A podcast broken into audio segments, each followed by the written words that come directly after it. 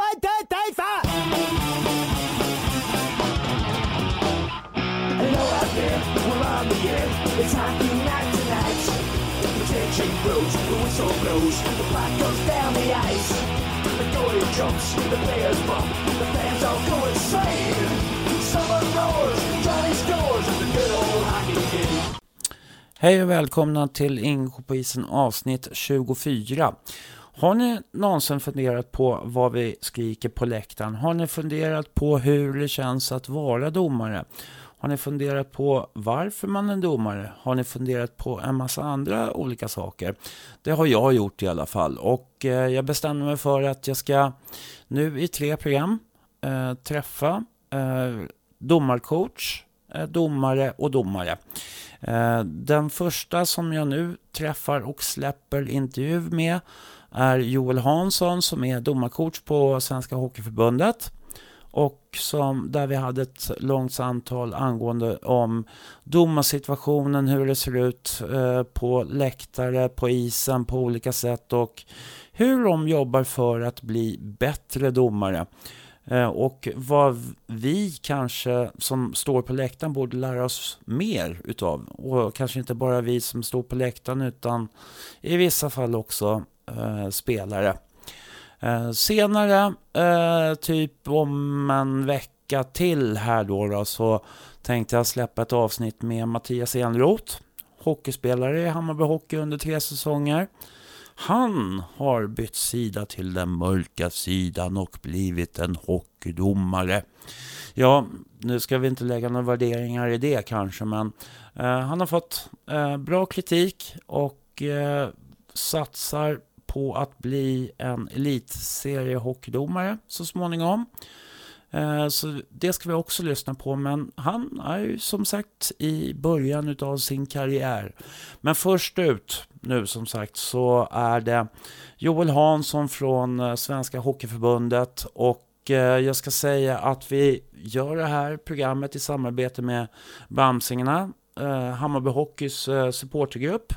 Och jag som gör, pysslar ihop det hela heter ju som sagt Stefan Ståhl.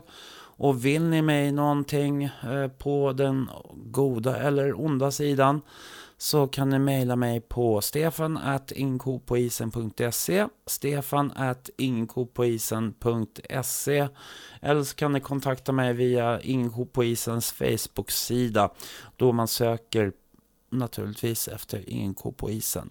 Ni kan lyssna på Acast, ni kan lyssna i podcaster, ni kan säkert hitta andra sätt att lyssna på den här podden.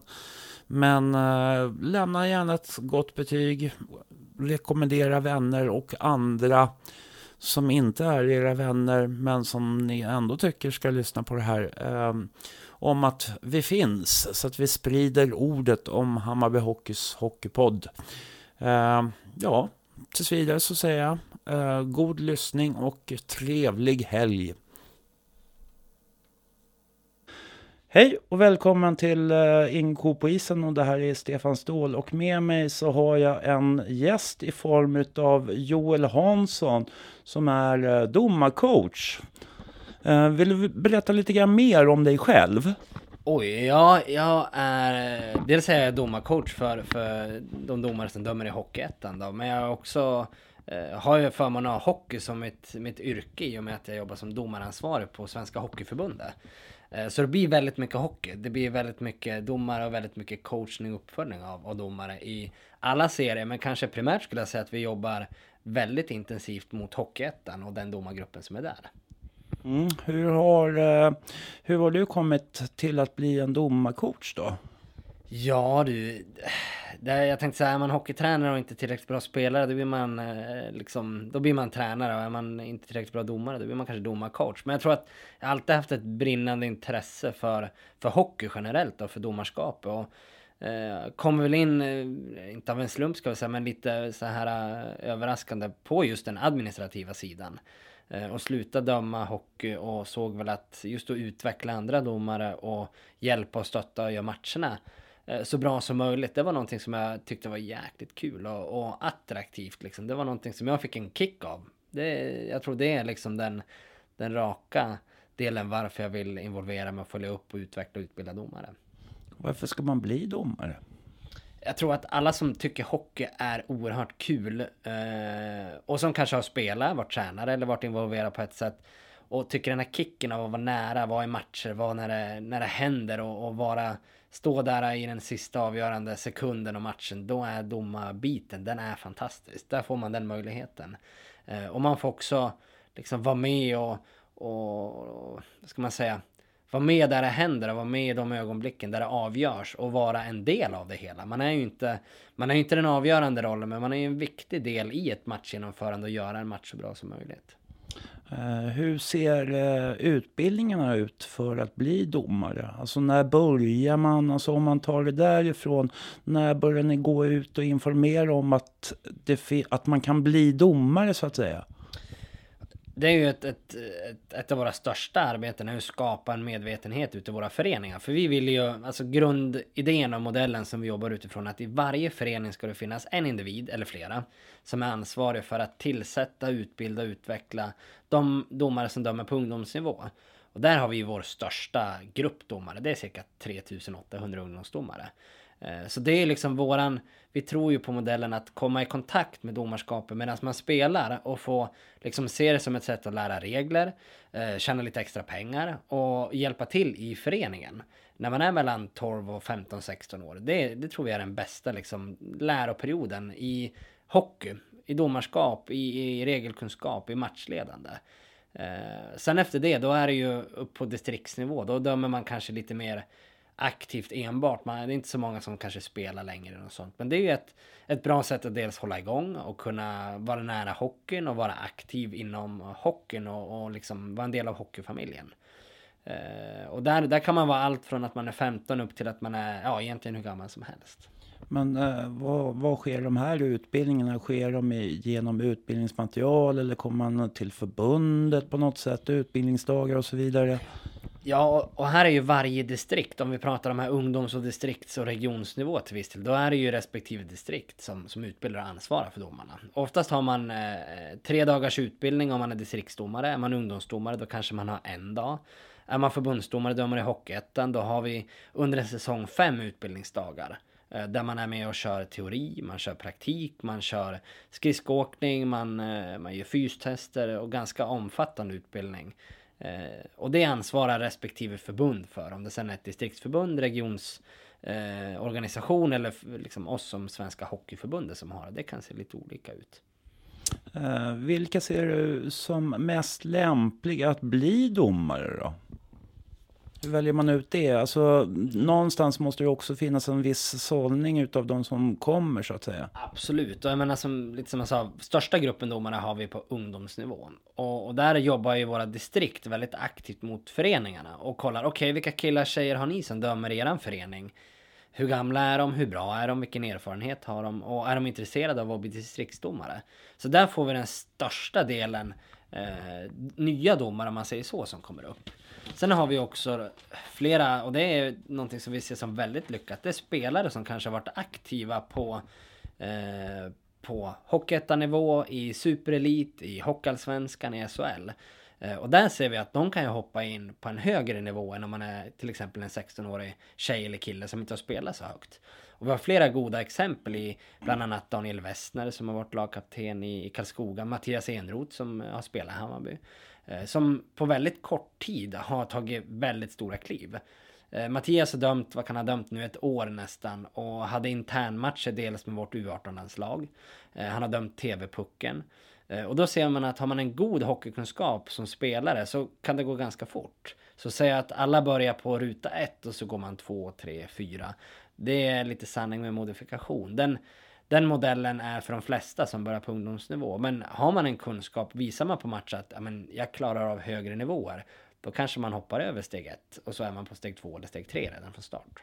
Vilka är det som bestämmer eh, vilka nivåerna är? Är det de på distriktsnivå då på något sätt? Exakt, så på respektive nivå så har man eh, antingen har man en kommitté, man kan ha ett utskott eller man kan ha en ledningsgrupp som ansvarar för att operativt dels tillsätta domarna men också för att följa upp dem och se okej okay, domare A, hur bra är han? Eh, vilka ska ha de viktigaste matcherna?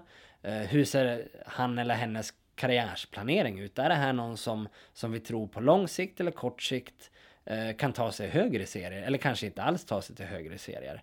Så det är lite som Eh, inom svensk hockey jobbar vi som i en förening lite att eh, man har olika nivåer.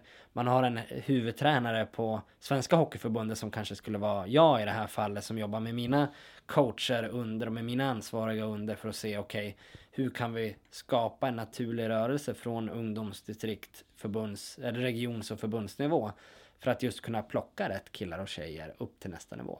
Vad är det som är det svåra med det? Det svåra tror jag är att om man kollar till exempel på en spelare. Det är många som pratar om det här Elite Prospect värvningar. Man kollar på statistik och man ser eh, ganska hard fact hur många mål gör du, hur många assist gör du och vad är din poängskörd. Man kan ju också se utvisningar. Men domarskapet är väldigt mycket kopplat till känsla. Alltså eh, matchledarskap, att, att ha en social relation med spelare och ledare och andra domare och med domarcoacher. Eh, så att säga att ja, men en bra domare, klarar den av eh, punkt 1, 2, 3, 4, ja men då är det klart till nästa nivå. Mycket handlar om liksom hur man kan tillämpa det man kan på en nivå, på en nivå där det går lite snabbare, lite intensivare, eh, kanske en annan press från media och liknande. Eh, så det, det svåra är ju att just ta ut domare, utveckla och flytta upp till högre serier. Det är att väldigt mycket är att de som bestämmer har en känsla Eh, Okej, okay, det här är den typen av domare som krävs på den här nivån. Eh, och mycket mjuka värden. Mm. Uh, jag tycker mm, som supporter så, så blir det så här, ja, så börjar jag kolla det här. Nu, nu när jag började med det här projektet så var det lite mm, det här med domar Eh, Eh, ämnet så, så började jag fundera så här, ja, vad hittar jag statistiken på domare? Vad, hur har det sett ut? Hur man, och så började jag fundera på hur ska man kunna utifrån som publik eh, bestämma hur bra eller dålig en domare är? Och det är ju jättesvårt. Det, om man pratar statistik, alltså, eh, jag ska inte säga att jag ljög, men, men vi, vi kan föra en viss statistik och det är när det kommer till utdelade utvisningar. Eh, vi har det i vårt system där vi kan ta fram i respektive serie på respektive domare och en domargrupp. Ja men vem tar flest hakningar? Vem tar flest eh, osportsliga uppträdanden? Och, och, man kan liksom få någon form av känsla av okej, okay, är det en domare som tar väldigt lite utvisningar eller väldigt mycket? Och hur liksom, eh, hur ser gruppen ut jämfört med varandra? Men det är ju också väldigt intetsägande statistik. För det kan ju vara så att en match är jätte, jättehet och vi har 10 matchstraff. Och sen kanske man har 99% av de andra matcherna jättelugn. Så att statistiken kan bli hög men det gäller bara en eller två matcher och sen är det, eh, är det väldigt, väldigt lugnt. Så, så det är väl liksom den statistiken skulle man kunna presentera. Vem tar mest utvisningar? Vem tar minst utvisningar? Men, men den skulle inte säga så mycket.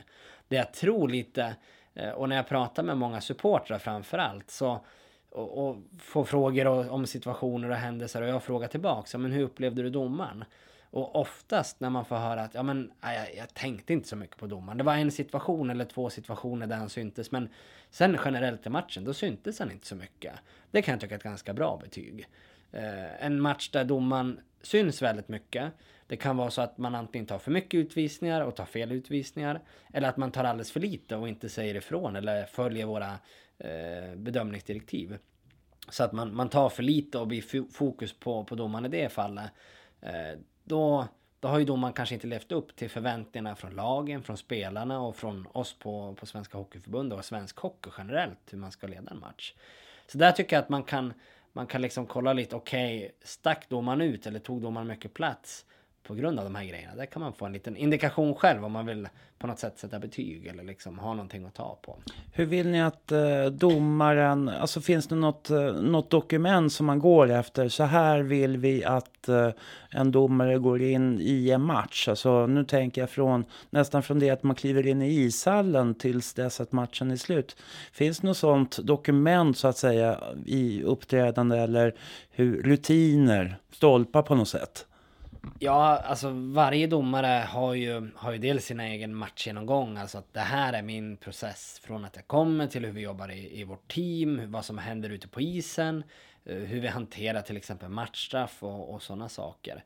Eh, så vi har ju försöker likrikta så mycket som möjligt så att alla ska ha samma förutsättningar och se till att ingen tappar någonting utan att alla delar ska vara med.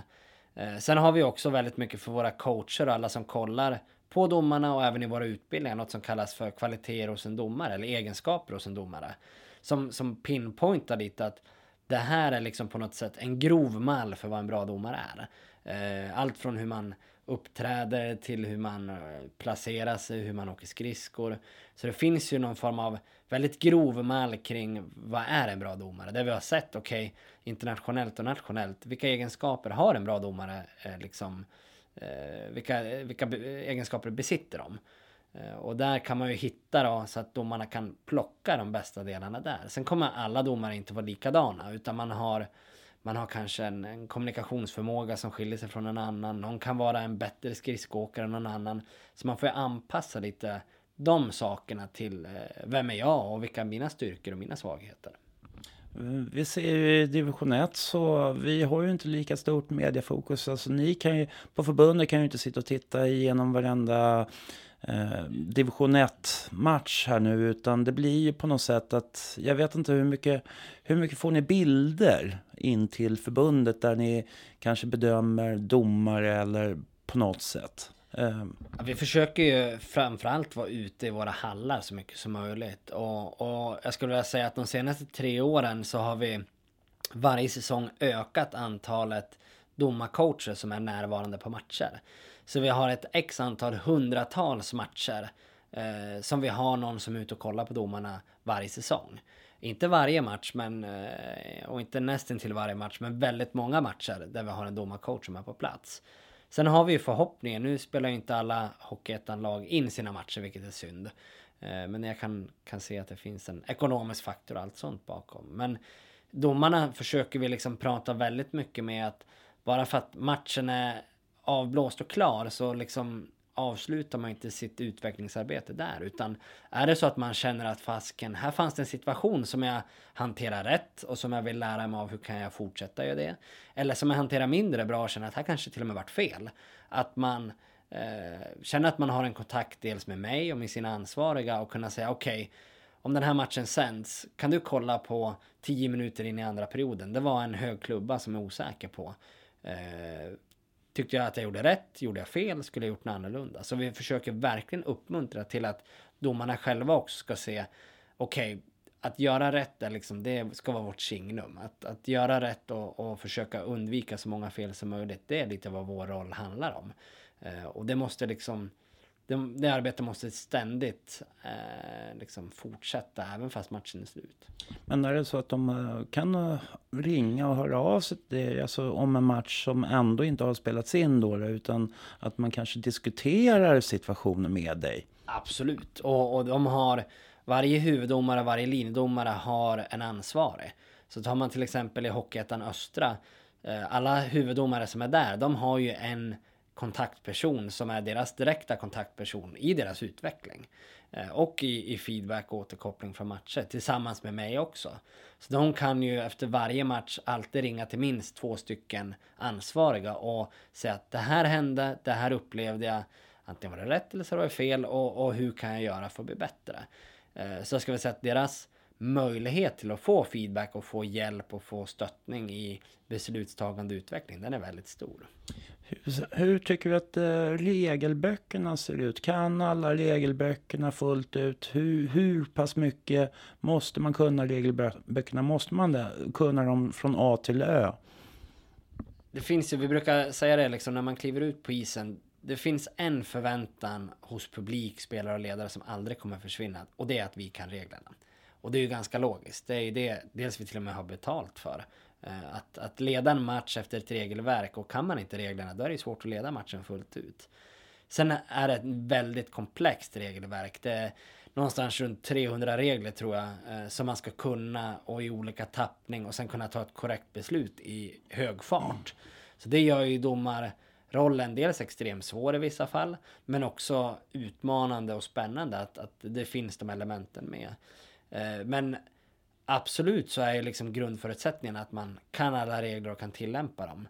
Sen kan jag som jobbar med det här också säga att okej, okay, i vissa fall då kanske jag måste gå in och läsa och ständigt påminna mig om vad säger regelverket och, och det, det tror jag är någonting som vi jobbar väldigt aktivt med nu i vår nya utbildnings, digitala utbildningsportal är att ständigt kunna se det som en färskvara. Att vi måste varje vecka, varje dag läsa lite regler för att inte tappa grundkunskapen. Det tror jag är jätteviktigt. Jag tror är lite grann så här också man kommer med lite nya regler och lite sånt där och att publiken inte riktigt fattar vad som är de nya riktlinjerna och till och med kan bli förbannade över det. Jag tror att när vi pratar och analyserar om, om konflikter som uppstår, till exempel mellan spelare och domare eller tränare och domare, så har vi sett att många gånger så är, är den här frustrationen eller ilskan är beroende på okunskap. Att en tränare, ja men så här var det ju inte förra året. Nej, för det har varit nytt i år. Och, och för domarna är det en självklarhet. Vi försöker skicka ut så, så liksom precis det går till varje förening, till varje tränare. Men det är klart att från ett förbund ut till alla föreningar i Hockeyettan, i alla distrikt, i SHL och Hockeyallsvenskan så är det svårt att nå fram. Man, man kanske inte når alla, även om det är våran dröm och våran önskan. Eh, så jag tror att den konflikten kommer vi ständigt behöva fortsätta jobba mot med att informera bättre och kunna nå ut med det här är det som gäller och inte bara skriva en text och säga ja men hög klubba nu är det nya så här utan kunna visa exempel på film, på illustrationer så att det blir klart för alla vad det är som gäller. Eh, jag kan ju också tycka att ibland så kan det bli så att man inför vissa regeländringar och så i början av serien så blir tar domarna det väldigt hårt. Och sen så ju längre serien går så blir det lite, ah, man, ah, det är inte riktigt illa. Är det bra att det sätter sig på ett sätt eller hur, hur ser du på det? Jag ser lite, jag känner igen den situationen som du lyfter och jag ser på det på, egentligen på två sätt. Det ena så tror jag att, att det finns en, en mänsklig faktor där när någonting kommer nytt och man kallar det lite kanske nyhetens behag. Det blir väldigt aktuellt och vi lyfter någonting ganska kraftfullt att det här är viktigt. Eh, då tror jag att precis som om man gör det på sitt vanliga jobb eller något annat så, så prioriterar man det lite. Man ser liksom, har man köpt en, en Renault, ja men då ser man Renault hela tiden. Pratar vi om eh, felaktig handstoppning eller spelare i målgården, ja men då ser man dem hela tiden. Eh, så jag tror att, att det är en faktor att kunna säga okej, okay, det här måste vi fokusera på, men vi måste fortsätta fokusera på allt annat också. Eh, det andra jag tror, och det är ju det som vi liksom måste jobba väldigt mycket med och ska jobba vidare med under våren och till kommande säsong. Det är den här lite eh, att våga bryta normer. När någonting blir nytt så kommer det här just att, att domarna har fått informationen, känner att ah, nu är vi laddade, nu ska vi liksom följa upp det här. Eh, och kanske attityden hos många spelare och ledare, men varför har ni gjort så här? Nu har domarna bestämt det här igen. Och i början går det bra och så får man lite skit och de tycker att ja, men varför håller du på och fjantar och larvar med det här? Och ja, nu förstör ni bara hockeyn. Så allt eftersom så den normen och den attityden som kanske finns från gemene man mot domarens uppgift gör att domaren känner att äh, men, den här normen är för stark så att, att ja, jag orkar inte stå emot. Så att till slut så släpper man upp på det. Eh, och det är någonting vi vill prata med, med våra domare om. att vi har skrivna regler som alla ska förhålla sig till. Eh, men de påverkas av våra oskrivna regler. Till exempel hur vi för oss, hur vi beter oss, eh, respekten mellan varandra. Och kan vi börja få lite mer kontroll på de här oskrivna reglerna, hur vi är och hur vi bemöter och vad som är okej okay att säga och inte säga. Eh, och som i vissa fall tycker vi att det är okej okay att kalla varandra vissa saker ute på isen, fast regelboken säger tvärtom. Eh, jag tror den relationen och den konflikten igen, den tror jag vi måste jobba väldigt mycket på för att kunna skapa den här samsynen också. Mm. Eh, sen finns det ju här, vi har om eh, de jag följer ju mest division 1, men sen är det ju allsvenskan och det är SHL. Och då upplever man helt plötsligt att domarnivån är en annan. Är det för att det är mer fokus på främst SHL som det, man upplever att domarna dömer på ett annorlunda sätt? Eller är det bara för att de är helt enkelt är bättre domare? Jag tror att det, ja, det är också att det är två aspekter. Jag tror att det här fokuset på vissa situationer, vissa eh, beteenden eller vissa liksom trender. Det blir så upphåsat i media. Det syns varje dag, det syns på ett annat sätt. Man får 40 olika vinklar på en situation. Och det vevas i olika forum. Så att man blir liksom medveten på ett annat sätt. Eller man, man får ta till sig den informationen på ett annat sätt. Sen tror jag också att, att det är klart att man är domare i SHL av en anledning. Man är domare i Hockeyallsvenskan av en anledning och man är domare i Hockeyettan av en anledning. Eh, och det är ju, det finns en kvalitetsskillnad, så är det ju. Eh, den mest erfarna och den bästa domaren dömer i SHL. Eh, och i Hockeyettan är de som är på väg och de som, som kanske inte riktigt är på den nivån än men som vi ska försöka hjälpa till. Eh, och, och nå den nivån. Så jag tror att det är självklart att kompetens Nivån skiljer. Eh, sen försöker vi alltid minska det glappet så att oavsett vilken nivå det är ska du alltid vara så väl förberedd och prestera så bra som möjligt på den nivån du är. Eh, men jag tror att det kan också bidra till att man upplever att ja, men, så här hände de och gjorde de i, i våran serie och så SHL hände det här.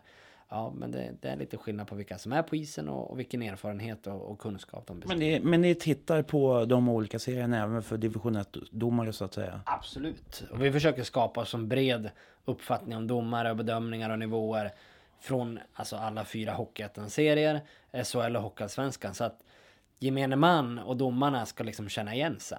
Blir det alldeles för stora skillnader på hur man dömer det och vilka nivåer man har på bedömningarna, då, då blir det ju tufft för för domarna att kunna få acceptans. Och det blir tufft för spelarna att veta hur man förhåller sig till, till spelet generellt. Och kommer vi till slut till de här eh, upp och nedflyttningarna, eh, kvalserier och liknande, och så möter man varandra från olika serier och helt olika infallsvinklar. Då blir det ett väldigt ojämnt kval på det sättet.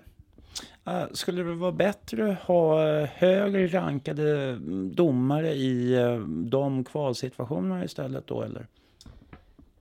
Jag tror att, att eh, det vi försöker jobba mycket där, det är ju att den som är bäst för dagen oavsett serie, den ska ju döma de matcherna. Eh, tar vi till exempel kval till Hockeyallsvenskan, eh, där det är lag från Hockeyettan och Hockeyallsvenskan som möts, så är det ju en mix. Det är ju de Hockeyettan-domare som har presterat på en sån nivå att de ska ha de matcherna. Tillsammans med Hockeyallsvenska domare som också har presterat bra under säsongen och premieras med att få döma de avgörande matcherna. Eh, så det måste ju finnas en, en balans och en mix mellan de uttagningarna också. Skulle du tycka att, eh, alltså jag tänker ju så här, ja men ni pratar om eh, nya regeländringar och allting sånt, ni pratar med tränare och så vidare. Men kanske det vore bättre om man också går in i enskilda lag och säger så här i början av säsongen att, ja men så här är det. Och att man pratar med hela lag istället. Och, och, det är ju en, en del, vi pratade lite om det här med, med information och nu till tränare och till föreningar. Eh, vi har jobbat nu två år, men, men första år har vi försökt varit väldigt aktiv i, i vår högsta damserie som STHL. Och där har vi erbjudit varje förening möjligheten att, att få en timme, två timmar tillsammans med en domare där man går igenom vad är viktigt i år? Är det några nya regler? Vad hände förra året? Och det, det har varit väldigt framgångsrikt. Där har vi sett i STHL att, att antalet grova straff till exempel har minskat. Eh, sen kan vi inte med liksom handen på hjärtat säga att det är de här regelgenomgångarna som, som har gjort att det blivit så här. Men jag tror att det finns en stark bidragande orsak till att, att eh, det har blivit ett bättre klimat och en större förståelse genom att vi har haft en närvaro och prata och diskutera det.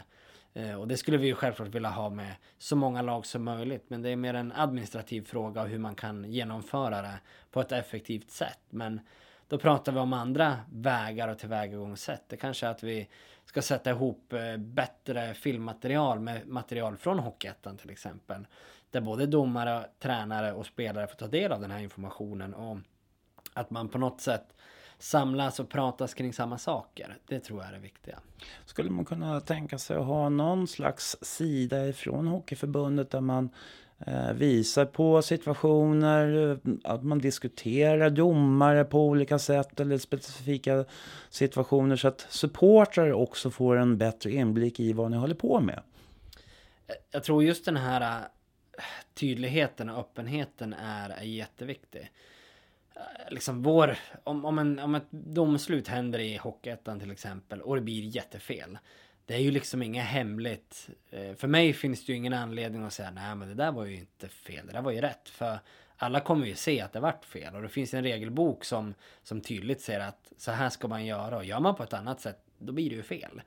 Det, det som vi brottas med det är ju att ett hinna plocka upp de saker som, som sker. För jag menar, eh, fel händer ganska ofta, även om vi inte gör det med flit eller man vill. Men, men Eh, beroende på var man står, hur man ser någonting så kommer en bedömning kanske inte vara korrekt. Och då är frågan vilka saker ska man tala om att det här varit fel?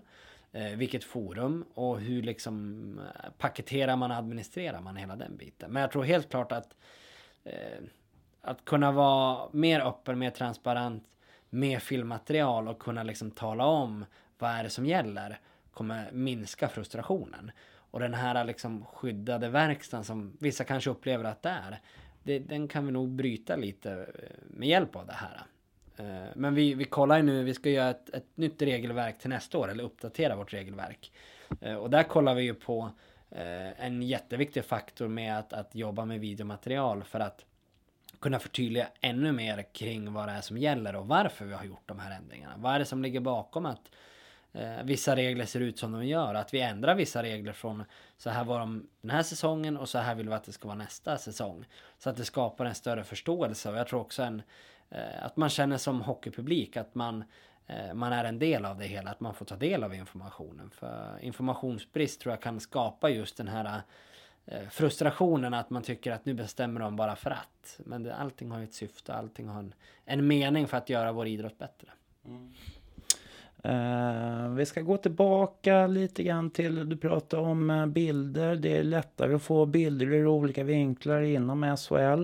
Inom uh, fotbollen så har man börjat experimentera med det, det som heter VAR, Video Assistant Referee. Kommer vi att hamna där inom hockeyn också? Nu är det ju vissa specifika situationer i fotbollen som man diskuterar. Men kan vi komma dit att offensiv zon, att, att man ska diskutera olika situationer där på samma sätt?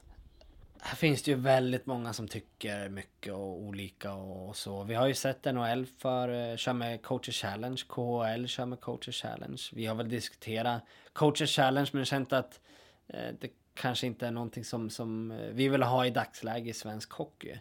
Eh, så att helt klart finns det många som tycker att, att har vi den tekniska möjligheten ska vi använda den. Sen finns det också en, en, eh, en mänsklig faktor som jag tror vi inte får tappa. Alltså att, att det är människor som tar beslut, att det är människor som bestämmer, skapar möjligheter för ett bra matchledande.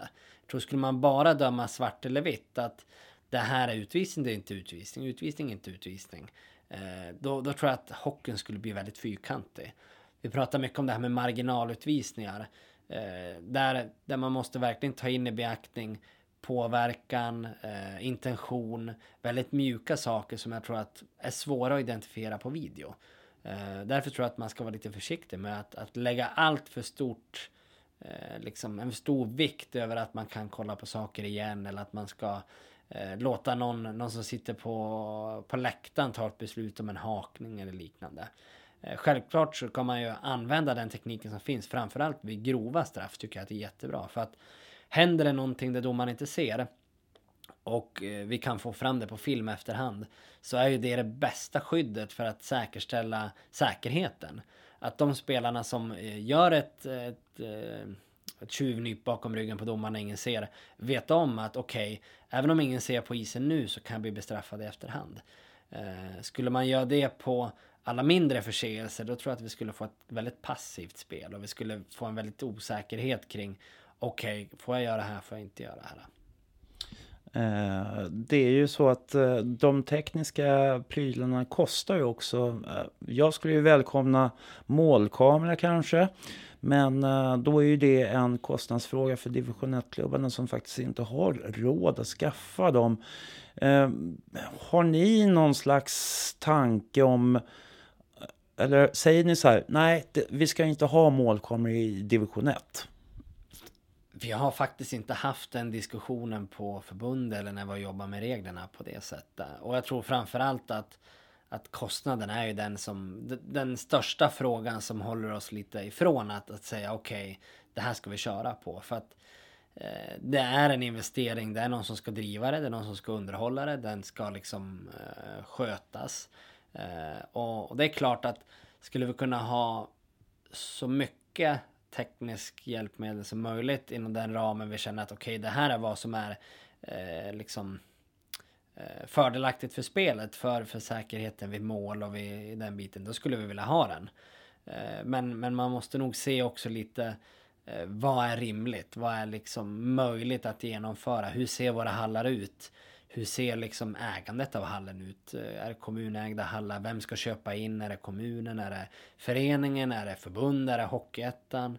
Eh, så när vi, innan vi kommer fram till den och kommer överens med 48 klubbar då, då har vi en lång diskussion där. Men självklart, jag menar, jag tror alla är överens om att kan man minimera eh, risken att ett beslut blir fel när det kommer till mål framförallt som målkameran är till för, jättebra. Eh, till vilken kostnad vill vi ha den tekniken och utrustningen? Ja, det är nog en annan, en, en annan och viktig fråga att kunna ta i först. Mm.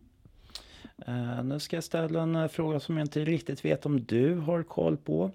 Uh, Fredrik Emsjö, Hammarby-spelare, körde på en, eller de krockade på isen. Han fick till att börja med 30 matchers avstängning. Det här är nog säkert kanske två år sedan. Okay. Om du minns? Ja, jag känner eller jag kommer ihåg fallet som, som hände där när jag hör namn i alla fall. Mm. Ja.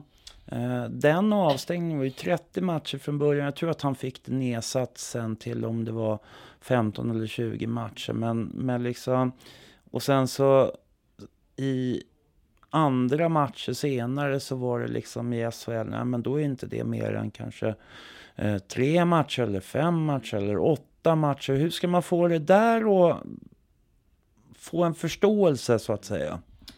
Jag är ju tyvärr inte rätt person när det kommer till disciplinärenden. Alltså det, vi anmäler, eller vi, domarna och liksom den delen av verksamheten jag jobbar med, vi, vi anmäler ju situationer. Sen är det ju andra som tar beslut.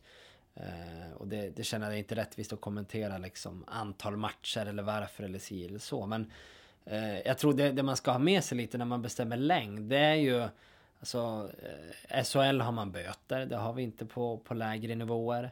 Eh, vi har till exempel eh, serielängd. Det kan vara en, en längre serie eller en kortare serie. Det vet jag också men jag liksom bestämmer lite på, eh, på själva eh, längden på straffet. Eh, så det är klart att, att igen, vi vill ju ha så likriktat som möjligt när det kommer till bedömningar på isen. Och det vet jag att man, man jobbar väldigt hårt med att få även i på, eller av isen i disciplinärenden och så. Eh, men ja, det är jättesvårt att, att kunna säga varför eller så här var det eller något sånt. Det, det, har inte varit insatt i, i de här fallen eller egentligen några disciplinärenden alls i, inom svensk hockey. Vi anmäler situationer som händer utifrån vår roll som domare eller domarcoach. Eh, och sen är det en disciplinnämnd om det sen är det i regional som tar i Hockeyettan eller SIF som tar i, i nationella eller överklaganden. Det, det får de svara på. Varför längder och, och hela den anledningen. Mm. Eh, om man tänker så här nu då, huvudtacklingar har man ju faktiskt eh, fått mycket mindre. Och det, det känns som att alla har accepterat på ett mycket bättre sätt genom en vettig kommunikation. Det har ju faktiskt kommit ut. Jag, jag, är väldigt, väldigt glad att se utvecklingen av huvudtacklingar där. För det är någonting som som vi har från Hockeyförbundet och SHL och Hockeyallsvenskan framförallt och som är ute i stora kanaler har tryckt mycket på att vi vill ha en säker idrott där, eh, där huvudskador som kan ge långa, långa skador och långa frånvaron från, från idrotten måste bort. Eh, och här tror jag att det viktiga var framförallt att, att disciplinen markera och gick ut med och sa att, att de höjde grundstraffen för tacklingar mot huvudet. Eh, på alla nivåer. Det, det tycker jag också vi har sett i, i Hockeyettan, i J20, i, i STHL. Inte bara de två toppserierna utan att, att det generellt har liksom stramats åt i bestraffningarna och det har gett effekt. Eh, hur skulle du vilja förbättra för domarna framöver om man eh, fokuserar på division 1? Jag tror framförallt där att vi fortsätter jobba mot alltså matchledarskapet. Eh, vi har utvecklat våra domare oerhört mycket de senaste säsongerna i regelkunskap. Eh, vi ser att i alla de test och de teoretiska prov vi gör så har vi bättre resultat än på många år. Eh, vi ser också på fysiska biten.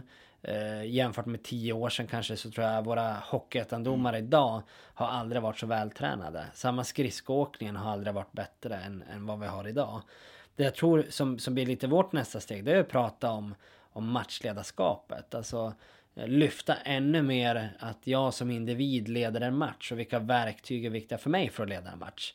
Det här med bedömningar, vi pratar om att vara konsekvent. Vad innebär det att vara konsekvent? En konsekvent domare är en bra domare, men då måste vi ju lyfta ännu mer vilka faktorer spelar in för att vara konsekvent. Det är kanske är lite spelförståelse också så att säga. Ja, och, och jag tror att grunden i, i våra 120 domare är en, en god spelförståelse. Sen skiljer det sig från erfarenheter hur länge man har spelat hockey, hur länge man har dömt hockey, vilken grundkunskap man besitter. Men, men mycket är att diskutera kring händelser som sker.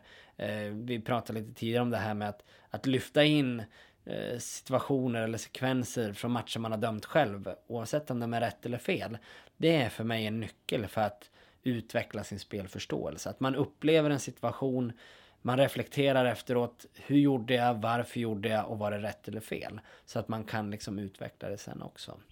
Eh, vi, vi har pratat och vi pratar om matchledarskap, men jag tror att när vi har de här äh, praktiska, om man får kalla det för det, skridskoåkning, regler, löpning, fys. När, när vi känner oss nöjda med det nu och har en bra grund att stå på, då ska vi prata lite mer om det här finliret. Vad är det för någonting som gör att vi blir ännu bättre och som, som äh, kommer ta oss till nästa nivå? Då är den här äh, utvecklingen av spelförståelse, matchledarskap, game management. Det blir en, en, ett stort fokusområde för oss framöver.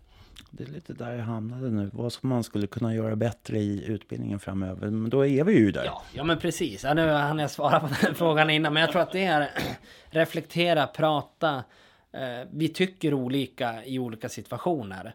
Eh, det är ingenting, liksom, vi är alla mänskliga, har vår egen erfarenhet. Eh, och det gör man ju som spelare, som ledare, som liksom, eh, fan och supporter. Visar man en situation för tio så finns det en risk att man får tio olika svar. Eh, och där är ju rollen som domare när vi pratar om det här med att vara konsekvent. Där har vi ett verktyg där vi jobbar med mycket med att man ser samma situation, man får tycka till vad man, hur man bedömer den och sen utifrån den förhoppningsvis har ju alla samma svar. Men är det olika svar att man diskuterar varför ser domare A på den här situationen på ett sätt och domare B på ett annat sätt? Och framförallt eh, liksom knyta ihop säcken och säga okej, okay, vi tycker olika här och nu i diskussionen, men när vi går ut på matchen, då måste vi tycka lika. Oavsett om, om min hockeybakgrund och, och den erfarenhet jag har säger att det här är en schysst tackling. Men regelverk och den typen av hockey vi vill ha i svensk hockey, den säger att det ska vara utvisning. Så diskussionen är jätteviktig. Liksom att det är accepterande miljö, att man får ty tycka olika. Men att när man kommer ut till matchen, då är det ju den bedömning och den hockey som svensk hockey vill att vi ska spela som gäller. Hur tycker du domarna ska hantera med det? Ska vi vara med där eller är det bättre att eh, någon sån som du på förbundet istället är den som man ska prata med istället? Det är också en jättesvår balansgång. Eh, alltså mycket blir det här om någonting sker eller någonting fel händer. Jag tror inte det finns någon domare som, som skulle ha problem att säga okej, okay, här vart det rätt eller här vart det fel. Eh, frågan är ju just när, när det händer så många beslut och det ifrågasätts från många håll. Eh, och det kan ifrågasättas även om det är rätt. Eh, var det verkligen rätt eller var det fel? Eh, alltså den tidsåtgången och det fokus som det skäl. Det, det kan, vara, kan vara väldigt svårt. Samtidigt så vet jag att i rollen som domare så kan det vara skönt ibland att bara säga att Nej, men det här vart fel. Eh, och då har man liksom lagt alla korten på bordet och tagit det ansvaret själv också. Så det är någonting som vi ständigt pratar om att hur kan vi liksom öppna upp verksamheten? Hur kan vi öppna upp för våra beslut och, och liksom förklara att det här är liksom det som gäller. Det är det här vi dömde på eller inte dömde på. Utan att det behöver bli att man ska stå och göra en avbön efter varje match och förklara varje situation. Så det, det är en svår balansgång. Jag tycker absolut att vi ska fortsätta på den vägen som vi, jag upplever att vi har gått de senaste åren. Att vi är mer tillgängliga, vi är mer öppna med, med vad som händer och vad som gäller. Utan att det blir så att eh, därefter varje match och det är onyanserat eller liksom eh, att det blir någon form av spottkopp på det sättet. Upplever du att eh, domare är mer eller mindre hotade idag än för några år sedan? Jag vågar inte säga så långt tillbaks genom att jag inte jobbar jag har jobbat några år med det här men inte allt för länge. Men jag tror att det finns ju, finns ju en faktor som om man frågar gemene domare om man har fått utstått eller om man har läst någonting. Och det är ju sociala medier. Det, det går ju inte att komma ifrån. Och det följer ju samhällsutvecklingen i stort. Att Eh, människor har fler forum och fler utrymmen att tycka, att säga, att eh, liksom föra fram en åsikt eller föra fram ett hot till exempel. Än vad vi haft tidigare. Eh, men jag tycker ändå att vi, vi fortsatt har en väldigt låg grad i, i bredden generellt. Säger vi Hockeyettan till exempel så skulle jag vilja påstå att det är väldigt få incidenter där en domare under en säsong säger att ja, men jag blivit hotad eller fått någon, blivit trakasserad eller liksom på det sättet. Och, och det tycker jag, det ska vi fortsätta värna om, att, att vi har ett, ett sånt klimat. Sen är det klart att i de stora serierna, i de högre serierna där det är en större grad exponering, där kan det vara eh, betydligt tuffare klimat och, och eh, en större skara människor som följer lagen, som följer situationerna och som, som gärna tycker till och tänker. Där har vi också ett, igen, en, ett ansvar att kunna oavsett vilken nivå det är markera vad är det för någonting som är okej, okay, vad är inte okej. Okay. Och hota någon som är spelare, ledare eller domare det, det är ska aldrig vara acceptabelt. Eh, och jag tror dessvärre att mycket fokus har hamnat på domarna. Men jag tror det är minst lika viktigt att prata om spelare och ledare som blir hånad eller förlöjligad eller förföljda eller liknande i samband med sin, eh, sin yrkesroll och sin aktiva spelare eller tränarkarriär. För jag tror att där finns det nog också en, en upplevelse att eh, man ibland hamnar i, i skottgluggen som inte är ja, okej. Okay. Kan man eh, trycka på de här medierna, de här stora eh, kvällspressen så att säga, skvallerpressen, att de också kanske, eh, att man för någon slags dialog med dem i alla fall, att man, har ni tänkt ett varv till i alla fall innan ni gör någonting? Ja, och där igen, alltså, styra medier eller säga vad folk ska skriva. Det, det är omöjligt. Inte säga åt dem att skriva, men, men att de kanske ska fundera liksom ett varv till. Annars är det lätt att det blir det här rubriksättningen. Och jag tror liksom det, det ansvar vi kan ta och göra, det är ju att vi från förbund och vi från, eller de från ligor och liknande, vi pratar om vad står vi för? Vad är våran produkt och vad är viktigt för oss? Och eh, att man att man verkligen pumpar ut de budskapen att eh, i SHL eller Hockeyallsvenskan eller på Svenska Hockeyförbundet, där står vi för fair play och respekt. Där, där respekterar vi alla och att, att vi verkligen visar att det är våran produkt, att, att det är någonting vi står för. Uh, sen är det klart att, att i den, den mediatid vi lever och de klimaten så, så säljer nog Klicke Kolla domarens miss bättre än Kolla här gjorde en domaren en bra bedömning. Mm. Det tror jag. Det, det kommer nog inte ifrån. Nej, det, så är det ju. Eh, om du skulle få ändra eller skapa en regel fritt, vad skulle det kunna tänkas vara? Så om du fick eh, tänka till, är det någonting som jag, det här, det här skulle vara häftigt att se bara därför att? Oj, om man, ja, alltså det är också tufft. Regelverket, vi är ju vi jobbar ju väldigt aktivt med ett, hur kan vårt regelverk forma svensk hockey? Men vi är ganska styrt från internationella hockeyförbundet. För det är klart, så som våra landslag spelar och de spelare som är landslagen spelar i serierna. Det vill vi ju ska spela i VM eller OS också. Så den här önskelistan blir ju väldigt begränsad genom att vi, vi ska förhålla oss i ramarna. Uh, ja, jag vågar inte så här på rak arm. Uh, vi jobbar väldigt mycket med olika förändringar men jag skulle inte säga att det är något sån här superrevolutionerande bara för att. Liksom på det sättet. Tyvärr. Ja, du får ingen mumsigare svar än så. ja, vi kör så. Uh, ja, då är jag klar. Och eh, kanske om du har någonting som du tycker inte har kommit fram eller någonting du vill tillägga på något, något sätt. Jag tänker väl just det här att alla som som är aktiv inom hockeyn och, och spelare framförallt som eh, känner att ja, men, ja, jag tycker hockey är det roliga som finns men man kanske inte har tid, man kanske inte orkar längre, man kanske inte vill vara spelare eller tränare längre. Att ge domarrollen en chans. Eh, jag tror att många skulle se att, att man passar väldigt bra in i det. Man har en möjlighet att vara nära idrotten och, och vara en del av eh, liksom ishockeyfamiljen. Alla som håller på eh, aktivt som domare oavsett nivå gör det ju först och främst för att man gillar hockey, för att hockey är oerhört kul. Och man får vara en del av, av hockeyfamiljen och, och svensk hockey. Och det, det är väl någonting som jag liksom, skulle vilja uppmana fler till att ta den chansen. För det är grymt kul. Tack. Kanon, tack.